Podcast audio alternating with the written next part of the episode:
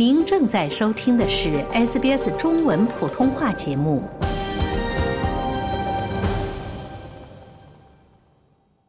从法律角度看待社会现象，以专家意见指点生活迷津。请听现场说法。现场说法，您了解法律说法。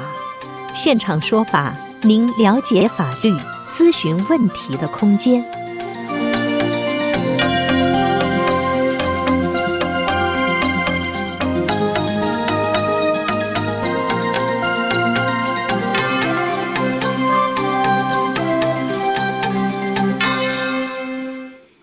听众朋友们，早上好！欢迎您继续收听 SBS 广播中文普通话节目于周二早上的现场说法听众热线。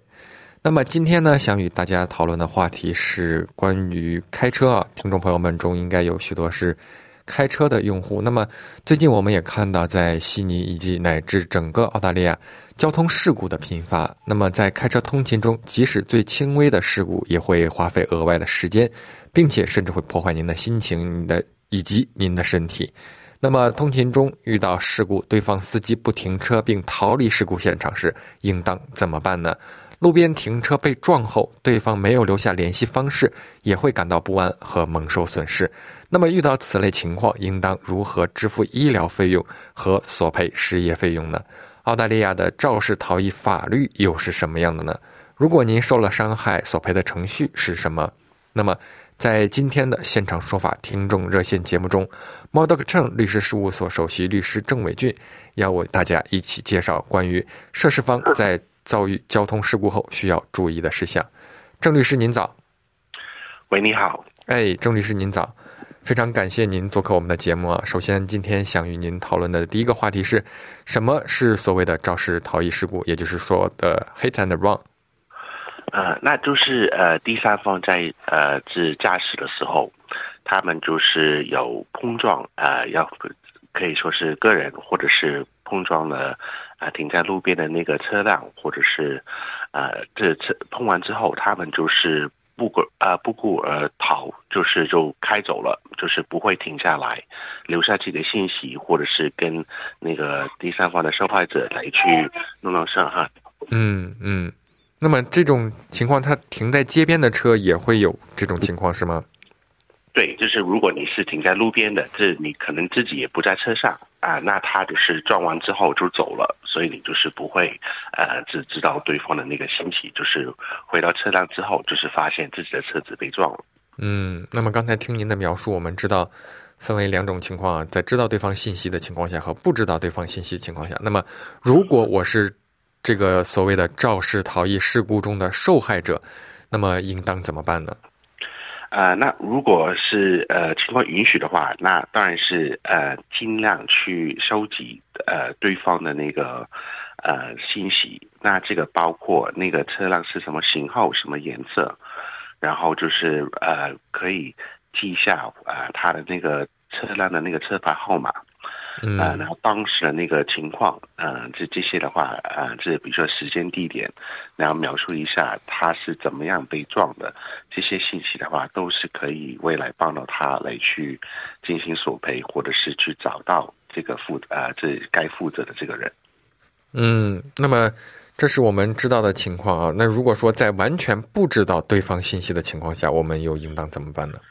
呃，那也是需要去描述他呃车辆停在哪里，啊，然后就是呃可以向警方那边去呃去报警，然后警方那边的话会帮他去做一个简单的一个调查，来去看看可不可以找得到呃该负责的那个车辆或者是人。嗯，那这种情况下，一般遇到这种肇事逃逸的情况，我们报了警之后，警察会大概在多长时间内？给到一个答复呢？呃，这个不一定。可是你一旦报警的话，警方那边会马上去给你一个呃，是报警的这个呃编号。呃，这个编号的话，未来如果是要报保险之类的话，是可以用得上的。那警方那一边的话，就是也是会留一个联络方式给这个呃报警的这个人。呃，那呃，这所以你是可以呃，是偶尔去。呃，联系这个警方，看看他们那边有没有一个始终的一个结果。可是实际那方面的话是说不定的，因为也是看他警方当时的那个呃忙碌，然后就是呃看他这个严重性，看他们会不会排在优先来去处理。嗯，那么您也说到刚才提到在报警之后拿到这个报警的电话，呃，或者说报警的一个相关的警方的一个编号，对，提供给我们的保险公司。那么提到保险公司肇事逃逸事故是可以索赔的吗？我们需要提供什么样的信息来向哪个机构或者说个人去索赔呢？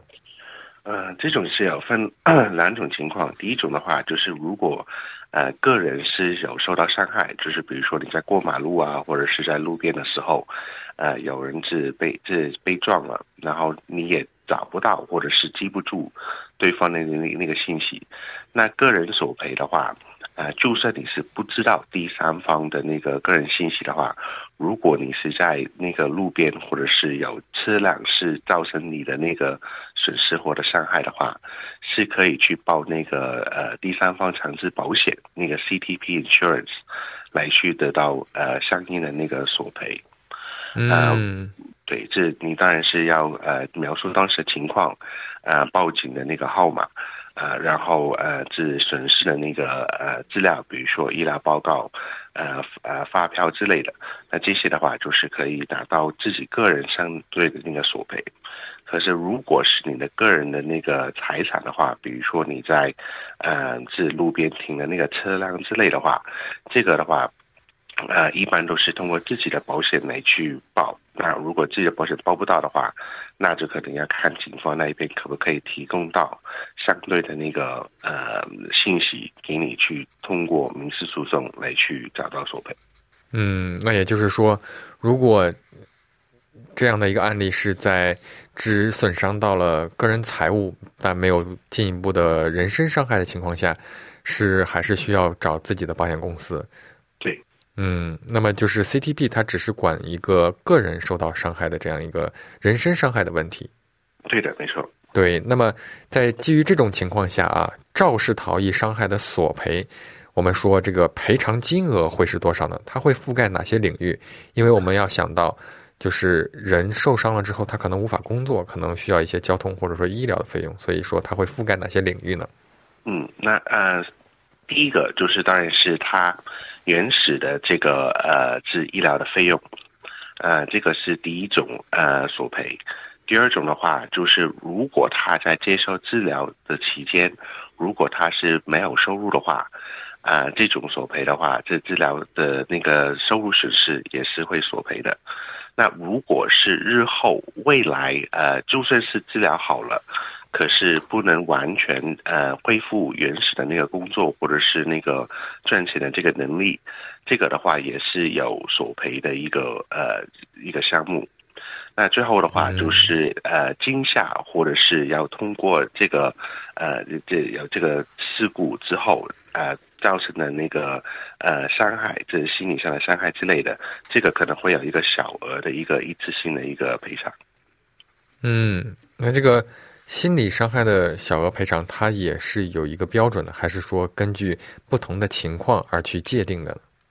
啊，不一样的情况来去界定。可是那个呃，因为那个 CTP 是政府那边去管制的一个呃保险，所以他们对于每一个赔偿的这个呃时伤的话，都是有一个公式来去计算的。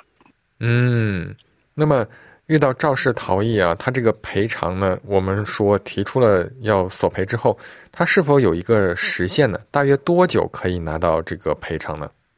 呃，这递交之后，这个是不会很久，呃，除非你是质疑他的那个赔偿金额，就是会走过一个呃，这解决纠纷的这个过程。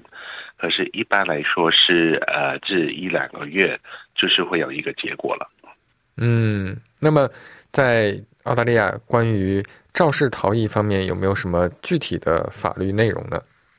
呃，有的，这每一个州都是有呃，这那个呃相对的一个法规，就是呃，这这个算是一个刑事的一个呃刑事的一个呃法律，所以就是说，如果你是呃是不顾而逃的话。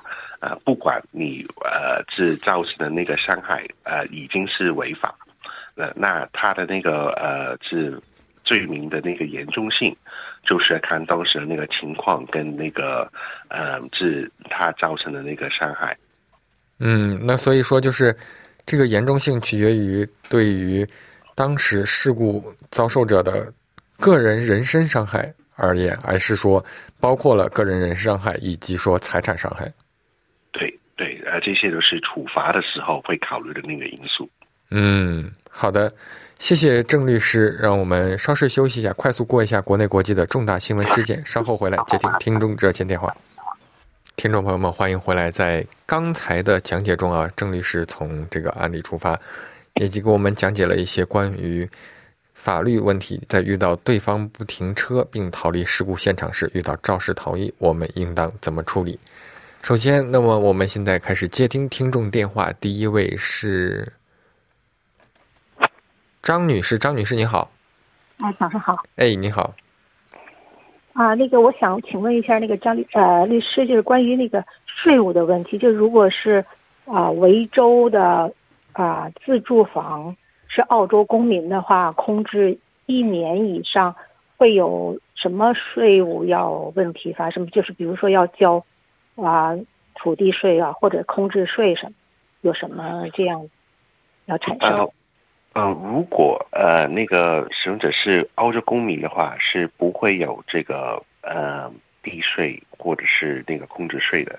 呃，地税跟空置税是针对海外人士或者是澳洲的 PR，可是没有住在澳洲住满啊两百天的才需要去支付的。如果是澳洲公民的话，是呃怎么样都不需要去支付的。如果是列为自己的自住房的话。就是呃，如果买了以后一直空置着在海外工作，没有在澳洲工作，一直空着没有关系的，对吧？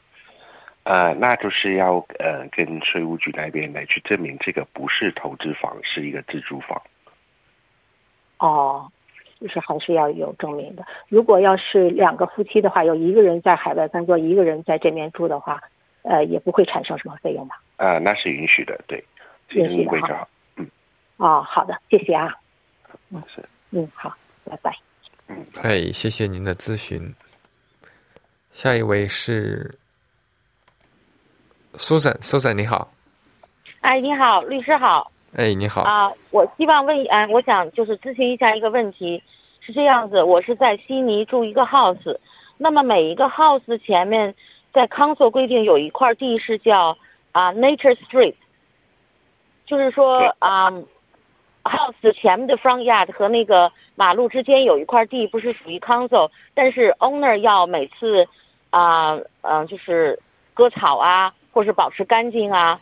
那么我呢，发现我的邻居，他是一个 child care，他把他的旧的家具，啊，冰箱、洗衣机、破的沙发椅子、床垫儿，还有这个计算机椅子，昨天全部都放在了我的。门前的 street 啊，street 啊，nature street area，我应该怎么做？呃，如果是这样子的话，就是呃，每每一个房子或者是他们对于 council 的那个前面的那个 street，他们是可以去定说，呃，他们是把一些垃圾收走啊之类的，啊，那这个的话，呃，一般来说是要放在自己的那个 nature strip 上面的。除非是自己的就是不是要阻碍之类的话，才可以，呃，考虑说放在呃隔壁。可是如果你是对于呃你旁边的那个邻居放的那个位置是不满，或者是占用了你的位置的话，呃，你就可以打电话去 council 来去投诉。然后就是看 council council 是，呃，是有预定的，他就呃比较慢啊比较快或者短的时间去把那些东西收走，还是他会发通知给邻居，就是让他把这些呃这些不要的那些用品搬进去自己的那个区域，所以你就打电话给 council 就好了啊。好，那第二个问题，对不起啊，是他的那地方是空的。它完全有充足的地方在那个 Nature Strip 上放它这些啊东西，而且不是 Council 啊免费的收包 bulk waste 的时间。如果他预约了，他是不是也应该放在他的那个领域，而不是他隔壁的领域？对，如果他想预约的话，那他在他的那些 bulk waste 上面应该是要打印一个 council 的一个字条贴上去，让大家知道说这个是马上会被收走的。可是不管怎么样，都是应该放在自己的那个 nature strip 上面，所以你是可以向 council 去投诉的。嗯，因为我知道我这个区域呢，它比较就是嗯，就是嗯非常干净洁净的嘛。我经常发现有康做的工作人员到每个街来查，如果他没有贴任何东西的话，而这些东西都是在我的领域里头，如果我收到了罚单，我有没有权利到哪里去啊？就是去送诉讼这些东西？啊，可以的。这给你，如果你真的是收到罚单的话，啊，首先那个罚单是会从那个 council 那边去，呃，给你发。你收到之后，那个发票上面会写说，如果你要解释或者是反对或者是呃上诉这个发票的话，你要怎么样去做？可是这个要呃是及时去做，上面会有一个时间段的。如果你没有及时去做的话仓鼠就会把这个发发票的那个债务卷到给州政府的那个呃 revenues office。到那个时候的话，要去抗辩的话，就会麻烦很多。所以就尽尽快是跟 council 对接的时候，把这个事情解决。那我如何能够及时的证明这些东西并不属于我，而且我也知道是隔壁的邻居抛出来的？那如果你是事先呃，这收到发票之前，你现在就是跟 council 去投诉，就是说有有人放把那些东西放在你的那些 strip 上面，你怀疑是隔壁的，那就算呃，这你证明不到这些物品实际上是谁的，可是你有一个备录，就是说你要投诉跟 council 投诉过，就是说这些呃物品不是你的。那这个未来如果他们真的是给你发票的话，你有逐一的一个证明，就是说你之前跟 council 反映过这些物品不是你的，让 council 那一边去调查，应该要去向谁去负责？OK，非常感谢，谢谢。嗯，哎，谢谢苏珊的咨询。对，我们也看到有一些相关的其他话题啊，也非常欢迎听众朋友们拨打热线电话。一三零零七九九三二三一三零零七九九三二三咨询任何与法律有关的问题。那么在此呢，我们继续与郑律师讨论刚才我们的说的话题。在此处有这样一个案例啊，是在悉尼有一天晚上在路上有人行驶，在行驶过程中他是直行过丁字路口，对向开车突然无打灯右转，导致了撞在了我们这个行驶车子的右边，从驾驶员的位置到后面。到整个车它受损的比较严重，然后对方车子没有停，直接就逃走了。所以在我们没有装行车记录仪的情况下，当时，呃，路上有其他的行人和车辆看到了这个灯，所以我们留下了联系方式和姓名，还有逃逸车辆的车牌。报警之后，警察做了笔录，呃，做了笔录，给了 event number，叫我们去联系他。在这种情况下呢，如果说作为呃受害者遇到可能。长期的这个追讨，以及要首先自己报保险，这样的情况下，应该去，嗯，怎么样避免更多的损失呢？呃，那就这如果自己要保险的话，那当然是马上去联系自己的那个保险公司，然后就是提出警方给的那个 event number 跟车辆那个信息。那你的自己的保险公司的话，就会协助你，第一把你的车子修好，然后就是相关的那个费用的话，就会去追随那个该负责的这个人。那这个是要保险的情况之下，那如果是没有保险的情况之下的话，那当然是自己的车辆最好是围着拍照，来去拍了当时的那个损坏的那些地方，然后事故的那个地点也是要去呃自拍照。然后或者是拿一个，呃，纸跟笔画出来，这个大概的那个路况，然后呃也是要记录当时的那个时间，呃天气，就是比如说是下雨还是晴天，嗯，然后那个时间的话，就是要记录说当时，呃是呃是附近是很亮的，或者是是晚上没有什么路灯是很黑的，所以看的那个地方不准，啊。看也是有自己，嗯，有没有目击证人？就是你在车辆里面有没有呃乘客？或者是附近的话有没有商铺啊，或者是目击人是可以帮到你证明说当时你是直行的，然后对方是因为没有打灯或者是呃没有顾虑到你的这个车辆才呃发现这出现这个呃事故。嗯，好的，谢谢郑律师的讲解。我们稍事休息一下，稍后回来接听听众电话。听众朋友们，欢迎回来，让我们继续接听听众电话。这一位是郑女士，郑女士你好，你好，哎，你你好，你好，喂，你好，不是，哎，你好，我想郑先生，不好意思，哎，我想问一下那个，呃，郑律师，那个就是房子，如果是呃夫妻两呃夫，就是我是 PR 的那个。是我的名字，那我老婆呢？那我没在澳洲住过两两百天，然后我太太是公民的话，那这样的话也要交税吗？还有一个就是说，这两百天是从什么时候算起？是一月一号，还是从这个年度的六月份以后开始算？呃，这个两百天的话，一般是从一月一号到十二月三十一号。嗯，除非你是新买的一个房子的话，他就会算你从呃是交割那一天开始算啊，那两百天，然后之后的话才是会从每年的一月一号到十二月三十一号。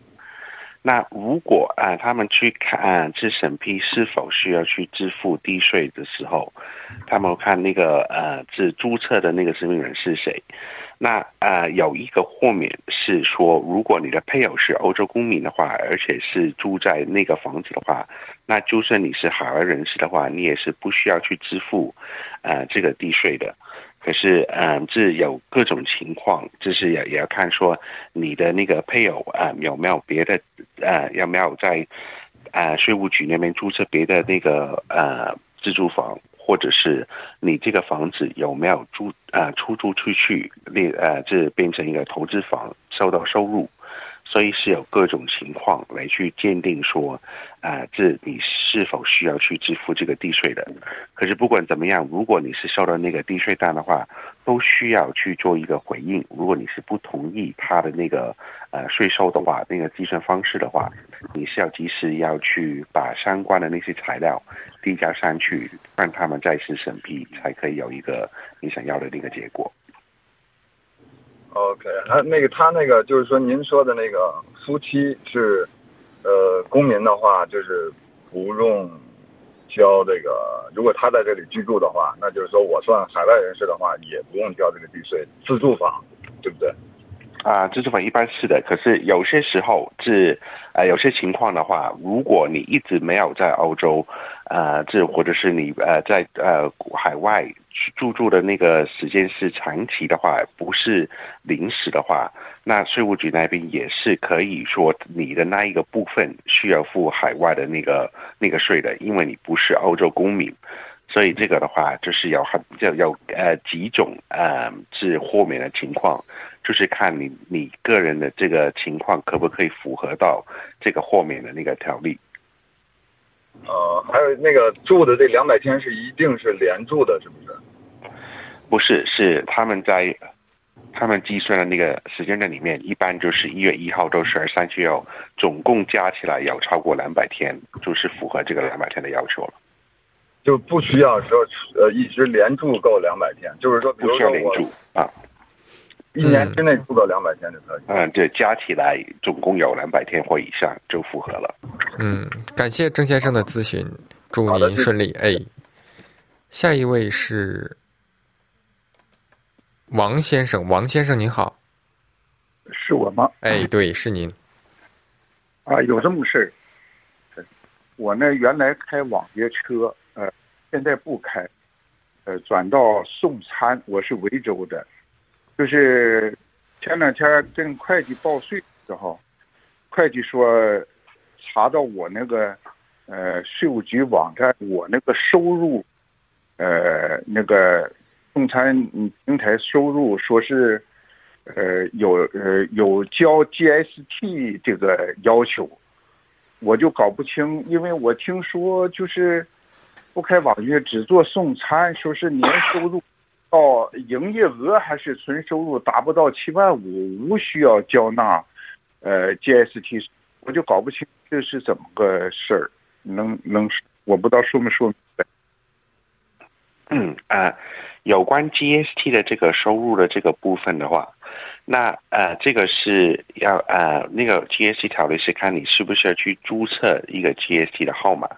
就是说，如果你预算你的年收入是超过七万五或以上的话，那你就必须要去注册 GST，然后把你收到的那个 GST 返回给那个税务局。可是，如果你是没有达到那个七万五一年的那个呃收入的话，你也可以自愿的去注册 GST。那如果你是没有注册 GST，也在那个财政年是没有超过七万五的这个收入的话，那你是不用返交 GST 的。可是同时，你的那个发票跟你的那个收入的那个收入的话，也不能收 GST。所以你会发布你的发票的时候，就是要列出说你是呃没有注册 GST，所以对方是不需要支付 GST 的。那不管怎么样，如果你的发票那些是有呃注明说你是有收到 GST，或者是对方是有支付 GST 的话，这个钱也是要返回给税务局的。哦，那他是这样，他说那个就是因为我原来注册那个网约车的时候肯定是交 GST。现在就是说，我如果不想交这个 GST 七万五，你这个七万五是纯收入还是营业额？啊，这个是你的那个收入，就是你你你你发票你发票发去的那个收入的这个部分。哦，那是。所以如果你明如果你明年的那个呃，这你下一个财政年的那个。呃，你那个收入是不会，你预算是不会超过七万五的话，你是可以注销你的那个 GST 号码。可是你呃，是收钱的时候或者是出发票的时候，你要记住是不要不呃呃不可以写说里面包含 GST，不然的话你这个钱还是要返回给税务局的。哦，那明白了，谢谢。行，谢谢王先生的咨询。下一位是。黄先生，黄先生您好。哎，你好，是我吗？哎，对，是您。啊，你好，我想问一下，就是我现在是那个 T R 的身份，呃，然后呢，我是在二零二零年初的时候呢买了一个公寓，那时候呢我需要交那个就是 F R D，然后呢这个开发商呢是在二零二一年的六月份呢他自己申请了一个，就是以开发商的名义申请了一个，呃，就是叫 A New Drawing Exemption Certificate。但是这个信息呢，我一直不知道，直到我上周呢，我自己去申请了，向这个 council 来申请了一个这个，就是 FRVB 已经交了大概一万四了。但是呢，我是前几天才知道，这个开发商已经申请了这个，他自己申请了这个 a new drawing 这个 exemption certificate。那么我现在呢，在向 council 再去申请退回这个我已经交的这部分钱。但是开发商呢说，如果在他那边办呢，还要再。交多六千块钱，两个问题。第一个呢，就是说这件事儿谁应该，比如说我要多付钱的话，谁应该对此负责？第二个呢，就是说我是不是应该交多六千块钱？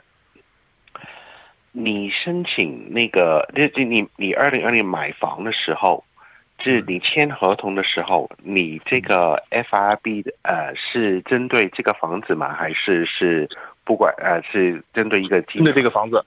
针对这个房子，那你交换合同的时候，呃，这那个开发商是还没获得这个整整栋的那个 FRB 豁免是吧？是是的。那如如如果这样子的话，那你当时申请 FRB 是没有错的。那事后，就算他们是拿到那个豁免的话，那个日期也是针对说他拿到这个豁免的这个证书之后的这些交易。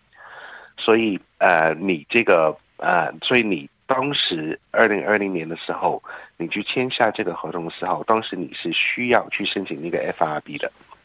所以现在日后的话，因为开发商那边也是拿的一个整栋的豁免，你是可以试图去跟 FRB 说，那整栋豁免的话，啊，由于你自己也是自费付了那个 FRB approve，看看可不可以退款。